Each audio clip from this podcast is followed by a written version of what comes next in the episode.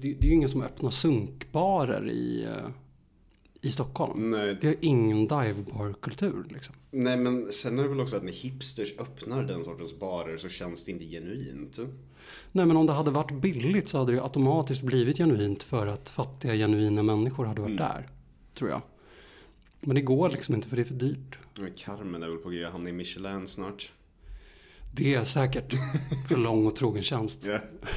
En, en planka som inte finns någon annanstans i Mellansverige. Precis den här plankan. Och det bor liksom flera generationer maskar i den här plankan. Det, kän- det känns som att man är nere på kontinenten med rökrummet som Precis. fortfarande finns kvar bevarat. Det är liksom inte gott den här planksteken. Men det är genuint. Det är kulturarv.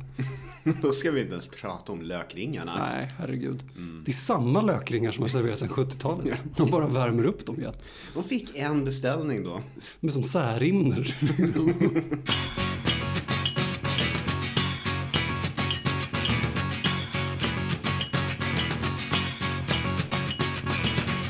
Ehm, hej och välkomna till eh, Killgruppen. Avsnitt nummer Nio. nio.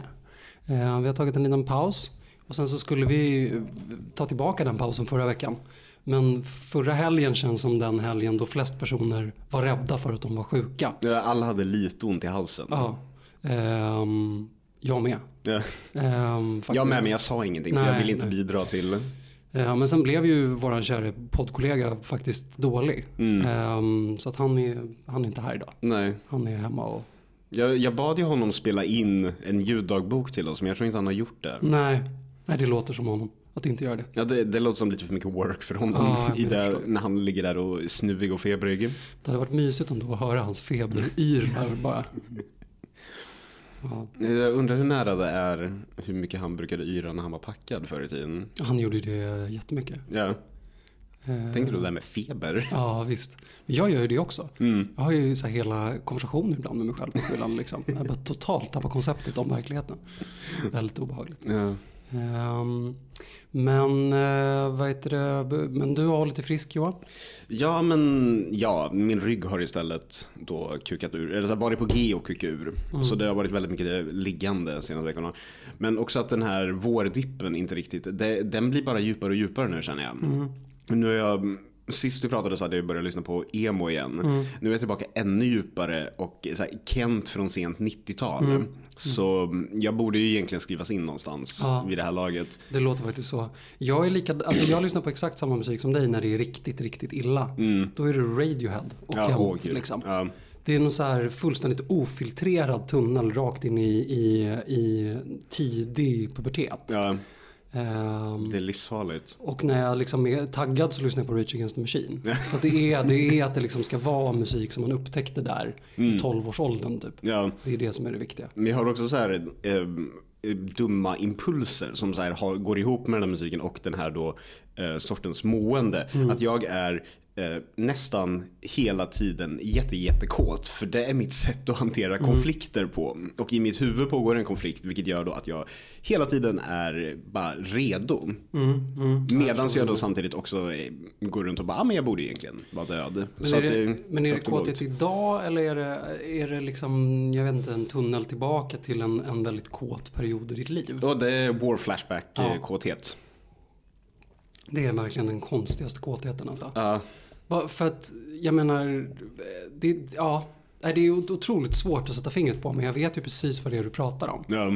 Det är någon slags, eh, Man skickas tillbaka till ja, en annan person typ. ja men till en annan typ också av sexuell frustration som är så Ja. mycket råare och, och mer oförståelig liksom. Ja. Nu är det så nu är det så enkelt att sätta fingret på kåtheten. Det är så omagisk liksom. ja men också framförallt när man är i någon form av så här långt förhållande och i någon form av så här samboskap. Ja. Alltså, då finns den på något vis. Ja, det, är, precis. det är inga knussler och inget egentligen så här speciellt nytt heller. Nej, men det är som att vara hungrig.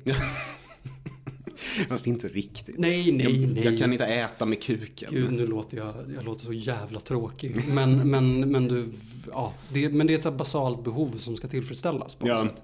Sen är det, det är roligare än att äta. Ja. Eller ja. kanske, inte, kanske inte roligare än att baka men.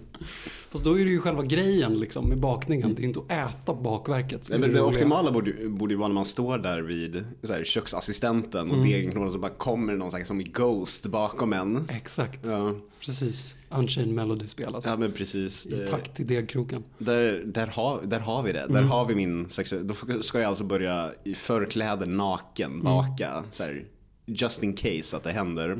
Ni får börja rollspela att någon av er har dött i corona och så kommer den tillbaka. Och... Okej, jag är den ledsna bagaren. och du är, du, du är den som hostar ihjäl dig. Just det, just det. Men hur är läget med dig? Har du Ehm. klarat dig från sjukdom? Jag har klarat mig från sjukdom. Um, har liksom har- ju jobbat på som vanligt vilket gör att jag exponeras för en massa oansvariga ungdomar hela tiden vilket gör att jag hela tiden psykosomatiskt le, jag letar hela tiden efter grejer. Ja. Eh, men jag tror att det också handlar om att jag letar efter anledningar till att inte gå till jobbet. Ehm, Ja, det, hela- är du, det är du och alla andra just nu. Ja, nej men och hela veckans dramaturgi, jag undrar om det kommer, kommer vara samma sak nu. Men i måndags så kändes det ju verkligen som att jorden var på väg att gå under tycker jag. ja. ja. Att eh, det var liksom ingenting som höll uppe någonting. Jag var ensam på jobbet tillsammans med en barnmorska. Eh, och vi försökte att liksom agera i spillrorna efter eh, eh, ja, men att ta hand om alla avbokningar och sånt där. Ja. Ehm, och eh, sen har liksom verksamhetschefer och enhetschefer börjat komma och hoppat in för de har hållit sig friska av någon anledning. Eh, Medan alla andra ordinarie personal på jobbet har varit, varit sjuka. Det har bara varit jag kvar. Liksom. Men sen på onsdagen någonstans så vänjer man ju sig. Och sen så är det ju helt okej. Om man inser att om, jorden, om det här är att jorden går under, då funkar det väl helt okej. liksom. Kunde ha varit värre. Ja men det kunde verkligen ha varit värre. Och vi har fortsatt som vanligt och så undrar jag lite om det kommer vara likadant nu. Mm. Att liksom bagaget från det som man behöver ta tag i på måndagen blir så stort när ingenting fungerar. Men att sen så fort som man har kommit ikapp så är det, så är det cool. Liksom. Ja. Ehm, så att jag, jag vet inte, jag har haft en ganska avslappnad och schysst helg. Det är ju liksom det sköna också med att ha ett jobb. Jag behöver inte oroa mig för min tjänst. Nej. Men man är ju väldigt orolig för alla andras tjänster. Liksom, Mm. Tycker jag. Ehm, så att det är väl min stora, min stora oro. Ehm, man skiter ju sig själv. Liksom. Ja. Nej, såna, för det är ju ändå en så här, samhällsviktig tjänst du ish har liksom. Ja men ish. Och jag jobbar inom vården. Ja. Och liksom, jag menar, en, som jag har konstaterat väldigt många gånger tidigare. En apa eller en hyfsad robot skulle ju verkligen kunna göra mitt jobb. Ehm, men tills de har tränat apan så är ju jag den bäst tränade apan. Liksom. Ja. Ehm, så att, ehm, nej men, och jag är ju så fast anställd och det är ju, det är ju lugnt liksom. Ja. Men ehm, man är ju orolig för, eller jag är så orolig för mina föräldrars jobb typ. Mm. ja, din pappa är ju frilans liksom. Ja, min pappa är frilans och min mamma är ju så här, jobbar i krogbranschen. Mm. Det känns ju som den bransch som, som är på väg att, att gå mest åt helvete. Liksom. Ja. Men annars har man ju liksom mest märkt de så positiva grejerna. Jag har liksom reconnectat med jättemycket äldre släktingar som man inte kan träffa bara för att man inte kan träffa dem. Vilket innebär att jag inte håller på och skjuter upp och hör av mig. Mm. Ringt alla mina släktingar i Norrland och kollat liksom. De märker ju ingenting. De är ju så isolerade redan. Mm. Eh, pratat med min farmor lite som är i karantän i sin lilla Mm. konstnärslägenhet på Söder. Farsan är där och skickar upp eh, matvaror i en korg varje dag.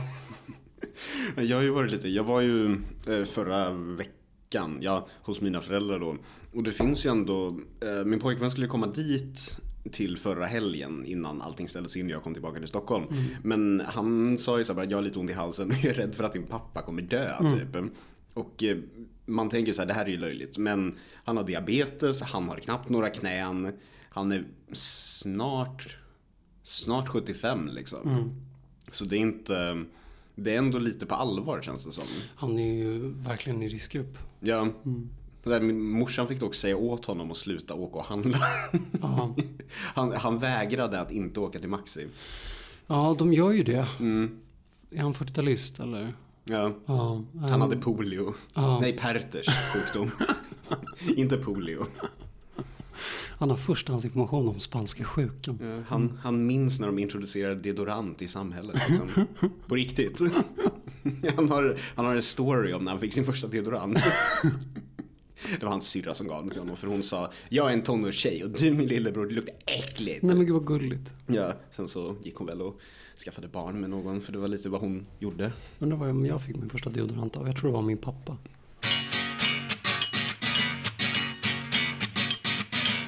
Ja, men på tal om hygienprodukter då, så vad heter det? mm, Ja, men det är ju jävla weird stämning i uh, hygienland för tillfället. Ehm, jag var och köpte mjölk till, eh, till jobbet till alla noll personer som var där. eh, för att försöka upprätthålla lite struktur. Ja. Ehm, och så var jag där när, när de fick en, eh, en toapappersleverans på lilla ikat där. Eh, och jag var först i kön men helt plötsligt bakom mig så står det tio personer med två balar var i händerna liksom. Spottade du på dem då? Ehm, Ja, eller jag gav dem en, en äcklad blick i alla fall. Eh, jag vet inte, jag har alltid eh, profiterat eh, kaffefilter framför toapapper. Ja, Alltså, om det är får- typ samma sak. Nej, men om jag får välja mig mellan att torka mig med kaffefilter och göra, och göra riktigt kaffe och att göra kaffe med toapapper. Eh, Bajskaffe. så, så, så väljer jag att, att torka mig med kaffefilter alla dagar. Ja. Men jag vet inte om det beror på att vi alltid hade dåligt med pengar hem, hemma och jag är så van vid den nödlösningen Ja. från när jag var liten. Liksom. Jag är också van vid att tvätta håret med diskmedel. Eh, vilket jag tycker är noll problem. Ja. Ehm, men heter det, eh, som jag har förstått det, eller som jag har läst i en artikel, så handlar det ju om att vi, att vi är så oerhört, eh, alltså vi är så äckelkänsliga i ett läge när vi är, är liksom när det är risk för att vi blir smittade av någonting. Så att det enda vi kan liksom klamra oss fast vid är våran, är våran renlighet. Ehm, men jag menar det här behovet av att dela med våran mage och sånt där har vi diskuterat förut här också. Ja, jag Eh, det är någonting det. som jag inte, jag kan ju inte relatera till överhuvudtaget. Jag tycker bara att det är ganska äckligt att hålla på med det. Eh, Ja, jag hade ju valt bort eh, att bajsa alla dagar i veckan. Om man Ja. fick välja bort en kroppsfunktion. Det. Ja, precis. Och jag vet inte om det gör mig mer anal eller mindre anal än alla människor som håller på med det. Eh, men, jag, men jag tycker att det är helt... Jag tycker att det är jätteobehagligt att hålla på med det för mycket. Eh, och jag blir jätteäcklad av personer som håller på för mycket. Vad menar du med hålla på i det här Nej men alltså sammanhanget? liksom, eh, nej men det, det, det känns ju som att, jag menar, the endgame av väldigt mycket av den här health crazen som har funnits i världen Mm. under ganska lång tid. Med vad vi äter och, och hela, eh, liksom det där. Mm. Det handlar ju om att vi ska liksom Vi ska att, skita fyrkanter som en wombat. Ja men precis. Och det ska vara grönt och det ska vara en stor liksom, fast massa på något sätt. Mm. Och, och, och jag, alltså jag skulle aldrig ändra någonting i mitt liv för att förändra de vanorna Mm. överhuvudtaget. Utan jag vägrar göra det på jobbet till exempel. Mm. Jag tycker bara att det är... Du skiter inte på jobbet? Nej. Nej, det gör inte jag heller. Nej. Jag, jag tror jag kan räkna på en hand de, se, de senaste fem åren gångerna jag har skitit utanför ett, en hemmiljö. Mm, ja men jag tror, jag tror samma sak. Mm. Och då har det varit i typ antingen utomlands eller i krissituationer. Liksom. Ja men så här, om man har så här, behövt bakisbajsa och inte blivit klar på morgonen Ja. eller bara, ja men ja men man, sånt. man gör inte fri, man går ju inte hemifrån och bara jag bajsar på jobbet. Ja. Nej, men och sen så gjorde jag ett litet studiebesök då till ett, till ett, eh, till ett apotek häromdagen liksom, för att kolla runt lite vad idioterna som håller på och bunkrar håller på med.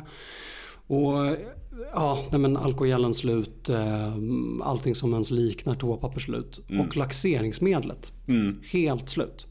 Eh, folk håller på liksom och ska, ja men det ska, det ska funka nu liksom. Ja. Eh, det är så jävla mycket reklamer på tv om laxeringsmedel. Är det den med hon som springer i slow motion in på tunnelbanan och sen tar sig för magen? Eh, det är en av dem och det är en person som står med något timglas som inte rinner ordentligt. Och sen blir hon så jävla nöjd och glad liksom. Och det ja, ja men jo, jo men det är någon med tåg som åker in på stationen och sådär.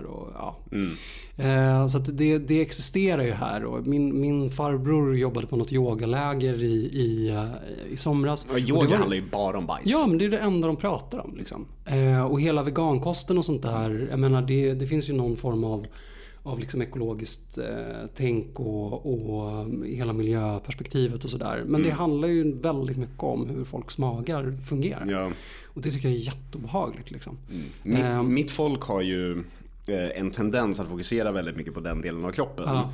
Och då finns ju en massa så här, det finns ju kostråd och grejer för hur man har det redaste rövhålet Mm. i princip. Och allting är ju bara så här, ja men fiber och kör upp vatten i det. Men Mm. inget av det är bra i längden för man blir uttorkad. Men, och, uppenbarligen är ju det någonting som vi i kristider hanterar. Liksom. Och det, är samma, det är väldigt många symptom på olika kriser som finns. Hur vi förhåller oss till mytbilder är också en sån typisk krissituationsgrej. Ja. Att vi, vi börjar alltså anamma och åberopa myter på ett helt annat sätt när vi befinner oss i en krissituation. Ehm, och jag undrar lite vilken kris det är vi har befunnit oss i innan. Alltså nu fattar jag ju liksom, nu är, vi, är det ju coro- coronakrisen. Det är ju den mest, den mest aktiva krissituation som någon av oss någonsin har befunnit oss i. eh, Rent globalt och sådär. Ja, statsministern ska ju, jag tror att första talet till nationen i vårt liv ikväll. Är det så? Ja, 21.15. Fan vad eh, amerikaniserat. Ja. Ja. Eh, nej, jag fattar inte riktigt vilken kris det var vi var i innan. Alltså vad, vad alltså, okej flyktingkris, okej bla bla bla liksom. Men jag menar vi är ju superskyddade här. Eh, och jag menar fascistkrisen som vi befinner oss i, den, det är ju ett symptom på, Ja. på att vi befinner oss i en kris. Mm. Det är ju inte en kris i sig. Liksom. Ja, jag, ska inte, jag ska inte gå vidare på det. Det är mest någonting som jag tänker på ibland. Jag fattar inte riktigt vad det är vi, vad det är vi håller på med. Eh. Men jag tänkte passa på att komma med ett husmorstips då. Nu, liksom. Eh, Jag har redan kommit med kaffefiltergrejen. Eh, För er som står och väljer nu i butiken, eh, välj kaffefilter. Mm. Men det andra är ju liksom hela vårt nedmonterande av vårdsystemet och sådär. Eh, som ju har visat sig vara jävligt mycket mer problematiskt än vad vi någonsin hade kunnat, kunnat tro. Ja. Eh, som vi inte har någon plan B. Eh, men jag tänker att eh, alltså vi får ju kombinera det vi, det vi har. Liksom. Vi kan ju inte handla så mycket. Det är mycket möjligt att vi inte kommer kunna gå och handla om ett tag. Utan vi kommer ju bli tvungna att, att köpa saker på distans. Jag tänkte att vi kombinerar det här med bokrean. Eh, Det är ju nämligen så att, att en av våra absolut sämsta författare har ju faktiskt investerat i ett privat eh, vårdbolag. Som faktiskt riktar sig till kvinnor med Eh, pengar. Ja, nej men visst. Så att jag tänker att för att stödja våra, våra privata vårdaktörer eh, och våran döende bokbransch så köper vi hela lagret med Camilla Läckbergs böcker. Jag stöttar detta Och så torkar vi ut. oss i röven med dem. Vad tror du om det? Ja men det tror jag definitivt. Man har ju funderat på det tidigare. Eller hur? Men nu när du väl lägger ut den här planen. Jag känner att jag behöver en powerpoint. Allting, ordentlig. allting bara klaffar. Ja. Äntligen får jag göra det här som jag alltid har velat göra. Jag kan minnas det första gänget jag ordentligt, ordentligt hängde med. Det var typ i Ja men typ högstadiet. Jag tror det var åttan vi bildades en liten så här enhet av inom citationstecken alternativa. Som jag blev då självklart ihop med en utav dem, en tjej då. Och sen hade vi några, en efterhängsen vän och sen någon tjej till som ändå hade något liv utanför det här. Men vi var liksom ett väldigt så här tight gäng under, ja men lite mindre än ett år skulle jag nästan vilja säga. Då, vi hade något band och det var liksom, vi möttes i det subkulturella på något vis då. Där, det kommer visserligen vara ett genomgående tema i den här pratan. Eh, och sen framåt slutet av högstadiet så hade jag gjort mig av med alla de här människorna av diverse anledningar. Eh, och hittat nya personer i Stockholm då. Som också då, ja men vi hade musik gemensamt och de festade ordentligt. Och då blev jag introducerad till det. Eh, Och sen framåt mitten av gymnasiet då, det vill säga andra ring eftersom det, finns tre, det finns tre år på svenska gymnasier. Eh, Så skaffade jag mig ett gäng hemma i Örebro då. Och då var vi helt plötsligt oskiljaktiga. Och eh, hängde 24-7 och jag slutade i princip åka till Stockholm. Och sen i trean på gymnasiet så hände en massa annat i mitt liv och jag skaffade ett gäng av mycket äldre vänner. Som då också lyckligtvis kunde köpa ut. Det är väldigt, väldigt bra. Och ha egna lägenheter där man kunde festa. Eh, sen höll det trean ut ungefär. Och sen när jag blev tillsammans med min nuvarande pojkvän då så anammade jag väldigt mycket av hans vänner som jag fortfarande inte har jättemånga kvar av idag för de har fallit ifrån honom också. Då hängde jag med dem, sen började jag folkhögskolan då. Och träffade bland annat dig mm. och Christian och en massa andra människor. Men det är bara er två jag har kvar därifrån nu. Mm. Och sen, den, sen så blev jag introducerad till folk som ni kände. Vi eh, under den tiden. Och sen tror jag inte att jag genomgick en sån förändring igen förrän jag flyttade till Örebro igen för att plugga då när jag hade mm. haft mitt breakdown. Och för då var jag tvungen att återuppfinna mig själv mm. väldigt mycket. Och det lyckades jag med. Jag var väldigt, gick från att vara ett vrak här till att bli en stabil punkt i massa människors liv kändes det som. Att det fanns folk som liksom förlitade sig på mig. Och jag var ja, men ett stående inslag i studentlivet där. Mm. Och nu då när jag har lämnat det bakom mig har jag tagit med mig egentligen bara en person. Men det har för första gången inte varit så himla mycket frivilligt. Eller det är väl egentligen alltid när man väljer att inte underhålla en relation. Mm. Men det är bara egentligen en person från det jag har kontakt med fortfarande. Mm. Och nu är jag tillbaka här och jag umgås med det statligt eh, okejade fem personer regelbundet. Mm, mm. Och det känns helt okej okay, liksom. Mm. Men det känns ändå som att jag har, gått igenom, jag har gått igenom så himla många liv på en tid där de flesta kanske inte gör det men samtidigt gör de det också. För folk provar ju identiteter. Mm. Men jag tror inte att de är inne på sin så här sjunde vänskapskrets eller något sånt. Nej, alltså där, där fungerar vi ganska lika. Alltså för mig har ju, alltså det låter som att det gör det för dig också. för dig låter det som att du har väldigt lätt att träffa kompisar. Ja, ja. Och att så fort du hamnar i ett sammanhang mm. så kommer du så kommer du träffa personer liksom. Ja. Eh, men har, har du förändrats utifrån de kompisar som, alltså har du förändrats lika mycket som har du anpassat dig efter de olika grupperingarna som du har umgåtts med? Ja men det skulle jag säga. Framförallt där fram tills ehm, Ja men ungefär fram tills jag kanske började på Folkis då. Mm. Fram tills dess var det ju väldigt mycket med vissa undantag så subkulturell tillhörighet. Mm. Och eh, då blir det ju hela tiden att i takt med att ens umgänge förändras så förändras man själv. Mm, precis. Men jag går ju fortfarande inte heller riktigt med på att jag har hittat mig själv än. Så jag har ju liksom precis upptäckt att man kan ha skjortor till vardags mm, och börja mm. lyssna på country. Det är där jag är nu. Mm. Så det, frågan är vad nästa liksom nej, period men, blir. Är, jag, är jag vuxen nu? Ja, nej, men det är intressant för att jag, jag, när jag var ung, alltså oavsett om jag hamnade på kollo eller på fotbollsturnering eller wherever, så träffade jag alltid kompisar. Mm. Jag träffade alltid personer att, att umgås med och, och sådär. Och jag tror också att jag tyckte att det var väldigt viktigt. Liksom. Att jag var, jag var väldigt rädd för att bli ensam och var mm. väldigt obekväm i ensamheten. Men när jag började plugga på universitetet det är ganska länge sedan nu, det är väl 5-6 år sedan eller något sånt där. Så hamnade jag i första tillfället där, där det inte blev en grej. Jag tyckte det var ganska skönt att, eh, att bli lämnad i fred. Jag tyckte det var ganska skönt att gå dit och gå hem. Men jag tyckte det gjorde ont också, även fast jag visste att det berodde på mig, att jag inte träffade nya kompisar. Att så tyckte jag att det gjorde ont att det inte bara kom av sig själv. Mm. Jag tyckte det gjorde ont att vara själv och sådär. Eh, men jag tror att det handlar i stor del om att man har slutat anpassa sig. Mm.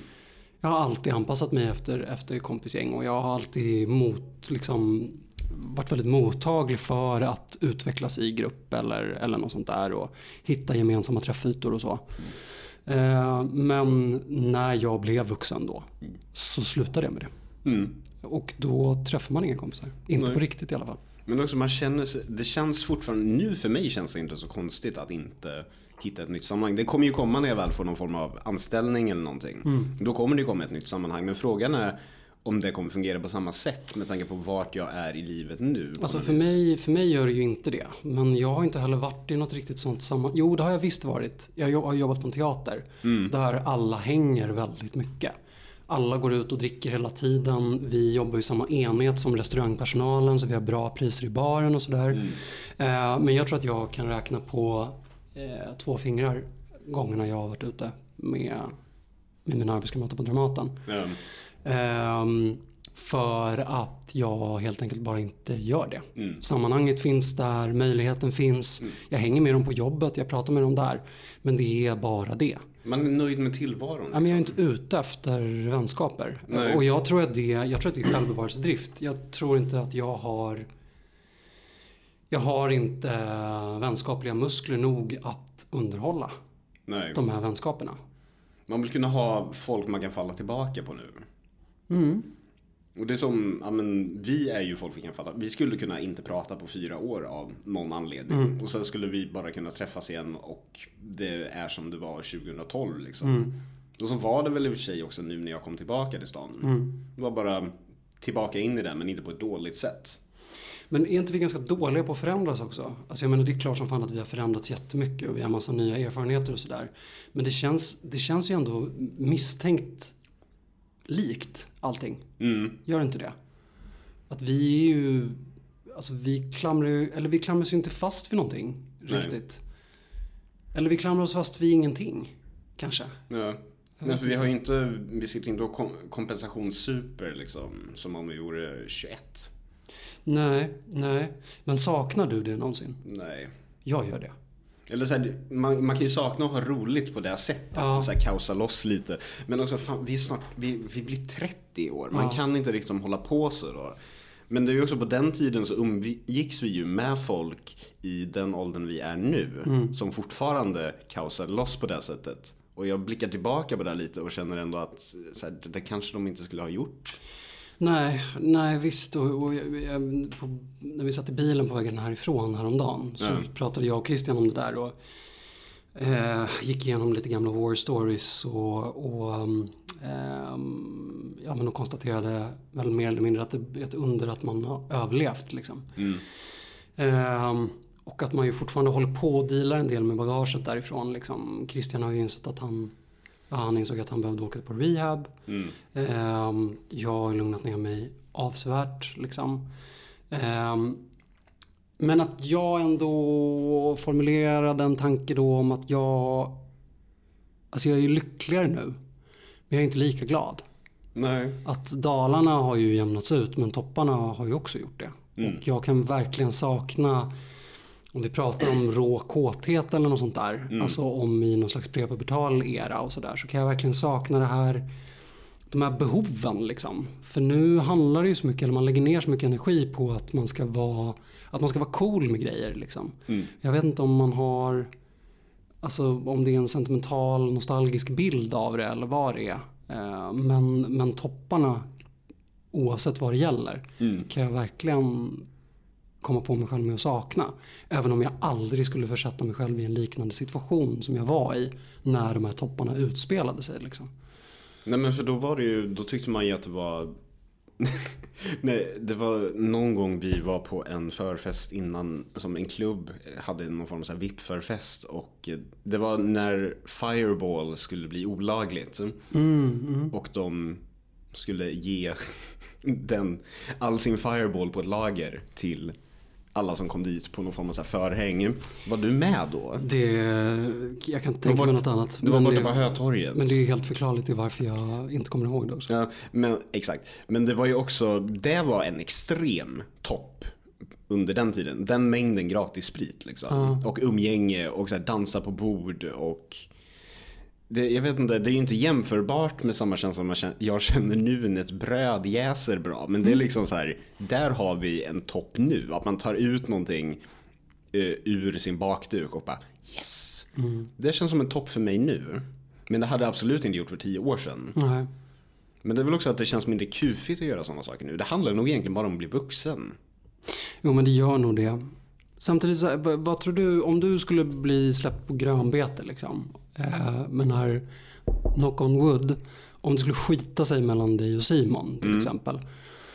Och du skulle vara eh, snygg, sexig och singel helt plötsligt. Vad, vad tror du, hur skulle ditt liv se ut då? Eh, sist jag var snygg, sexig och singel så var det kokain. Ja.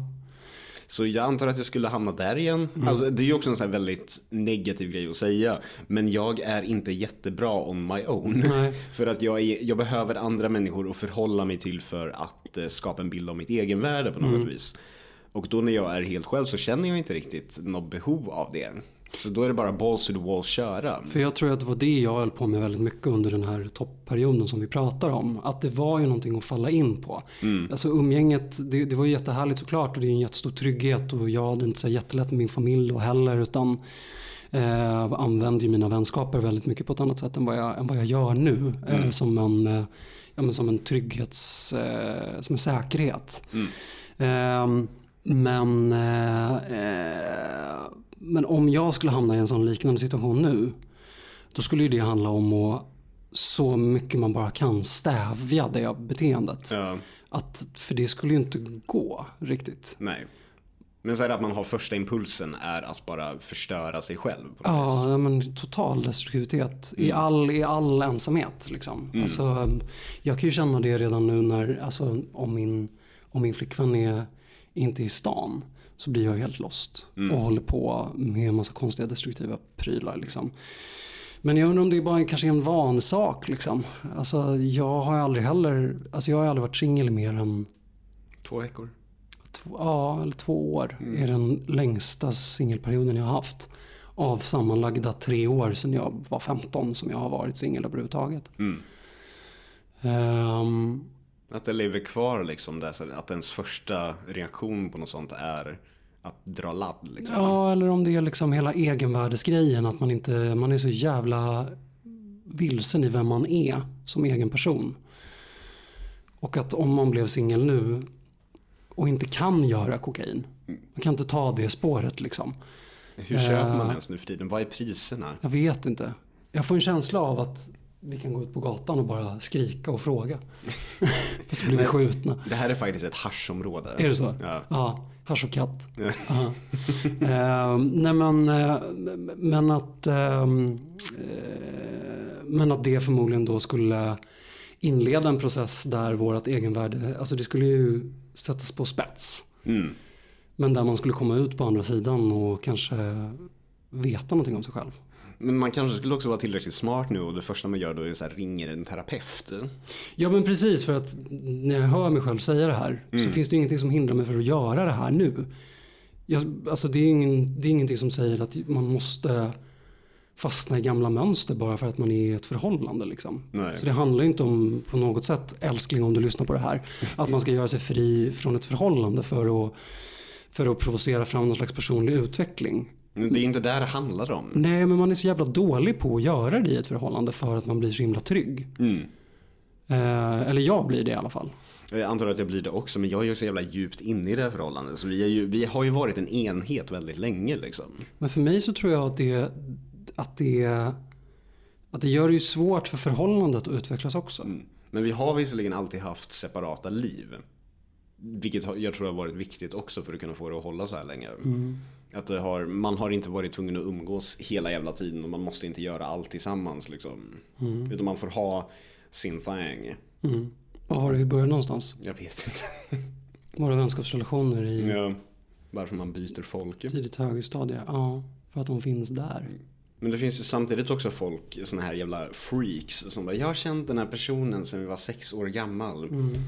Då kan man ju inte ha utvecklat speciellt mycket överhuvudtaget. För ingen kan, det, jag går inte riktigt med på att man kan känna någon så länge.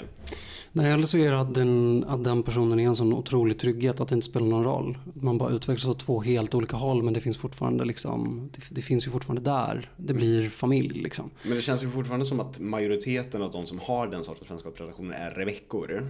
Med många H och A i namnet. Mm, mm, jo, ja, men absolut. Mm. I alla fall sådana som tar den typen av relation på liksom blodigt allvar. Jag menar jag kan umgås med mina gamla skolkompisar för att mm. vi, um, liksom, vi har ju mycket gemensamt. Vi delar ju liksom uppväxt med varandra och kommer från samma socioekonomiska bakgrund och mm. hela den midvitten. Eh, men det förutsätter ju inte någon vänskap utan det är ju bara, det är bara någonting som man kan riffa på. Typ. Mm. Jag har jag hade ju inte den grejen. Alla typ som jag gick i skolan med var så här övre medelklass som sysslade med golf. Jag var bara någon form av så här lantlolla från arbetarklassen egentligen. Mm. Den jag har haft längst vänskap med, eh, shoutout, eh, det vi har gemensamt är att vi inte riktigt har känt att vi har passat in tror jag. Så vi har känt varandra lite drygt sedan vi var 14 men vi började inte umgås ordentligt förrän ja, men, gymnasiet någon gång tror jag. Och hon har också visserligen funnits här rätt mycket separat i en så egen, ja, men en egen värld man kan luta sig tillbaka mot. Men det hände då under en period av bara väldigt mycket så drama och pubertet och sånt liksom. Men ändå vad som är gemensamt med de vänskaper som man har, eh, som man har behållit om, det är att man klickar i väldigt många av de här boxarna. Att det liksom sammanlagda värdet på vänskapen blir så pass stort att man väljer att bibehålla det. För Om jag tittar tillbaka på väldigt många av de vänskaper jag haft så har det ju varit att man har någonting gemensamt där och då. Alltså om man pratar om de här olika sammanhangen som man kastas in i. Ja. Att man går i samma klass. Man tillhör samma religion. Eh, throwback till när jag gick på judisk skola. Eh, man, håller, man är i samma bransch. Throwback till alla modepersoner som jag har slutat umgås med. Eller man går i folkhögskola tillsammans eller något sånt där. Men att de vänskaper som man, som man bibehåller är de som tickar i fler boxar än bara de tillfälliga. Ehm, så kan det nog kanske vara. Ja, det var allt för idag då. Heja oss! Ja, och eh, nästa gång vi spelar in, vilket då förhoppningsvis blir om en vecka, eh, då är det vårt tionde avsnitt. Och eh, ni har inte sagt ja eller nej om det här så jag annonsar nu att det kommer bli det stora folkhögskoleavsnittet. Det låter helt underbart. Så vi hörs om en vecka. Kram på er! Mm, puss!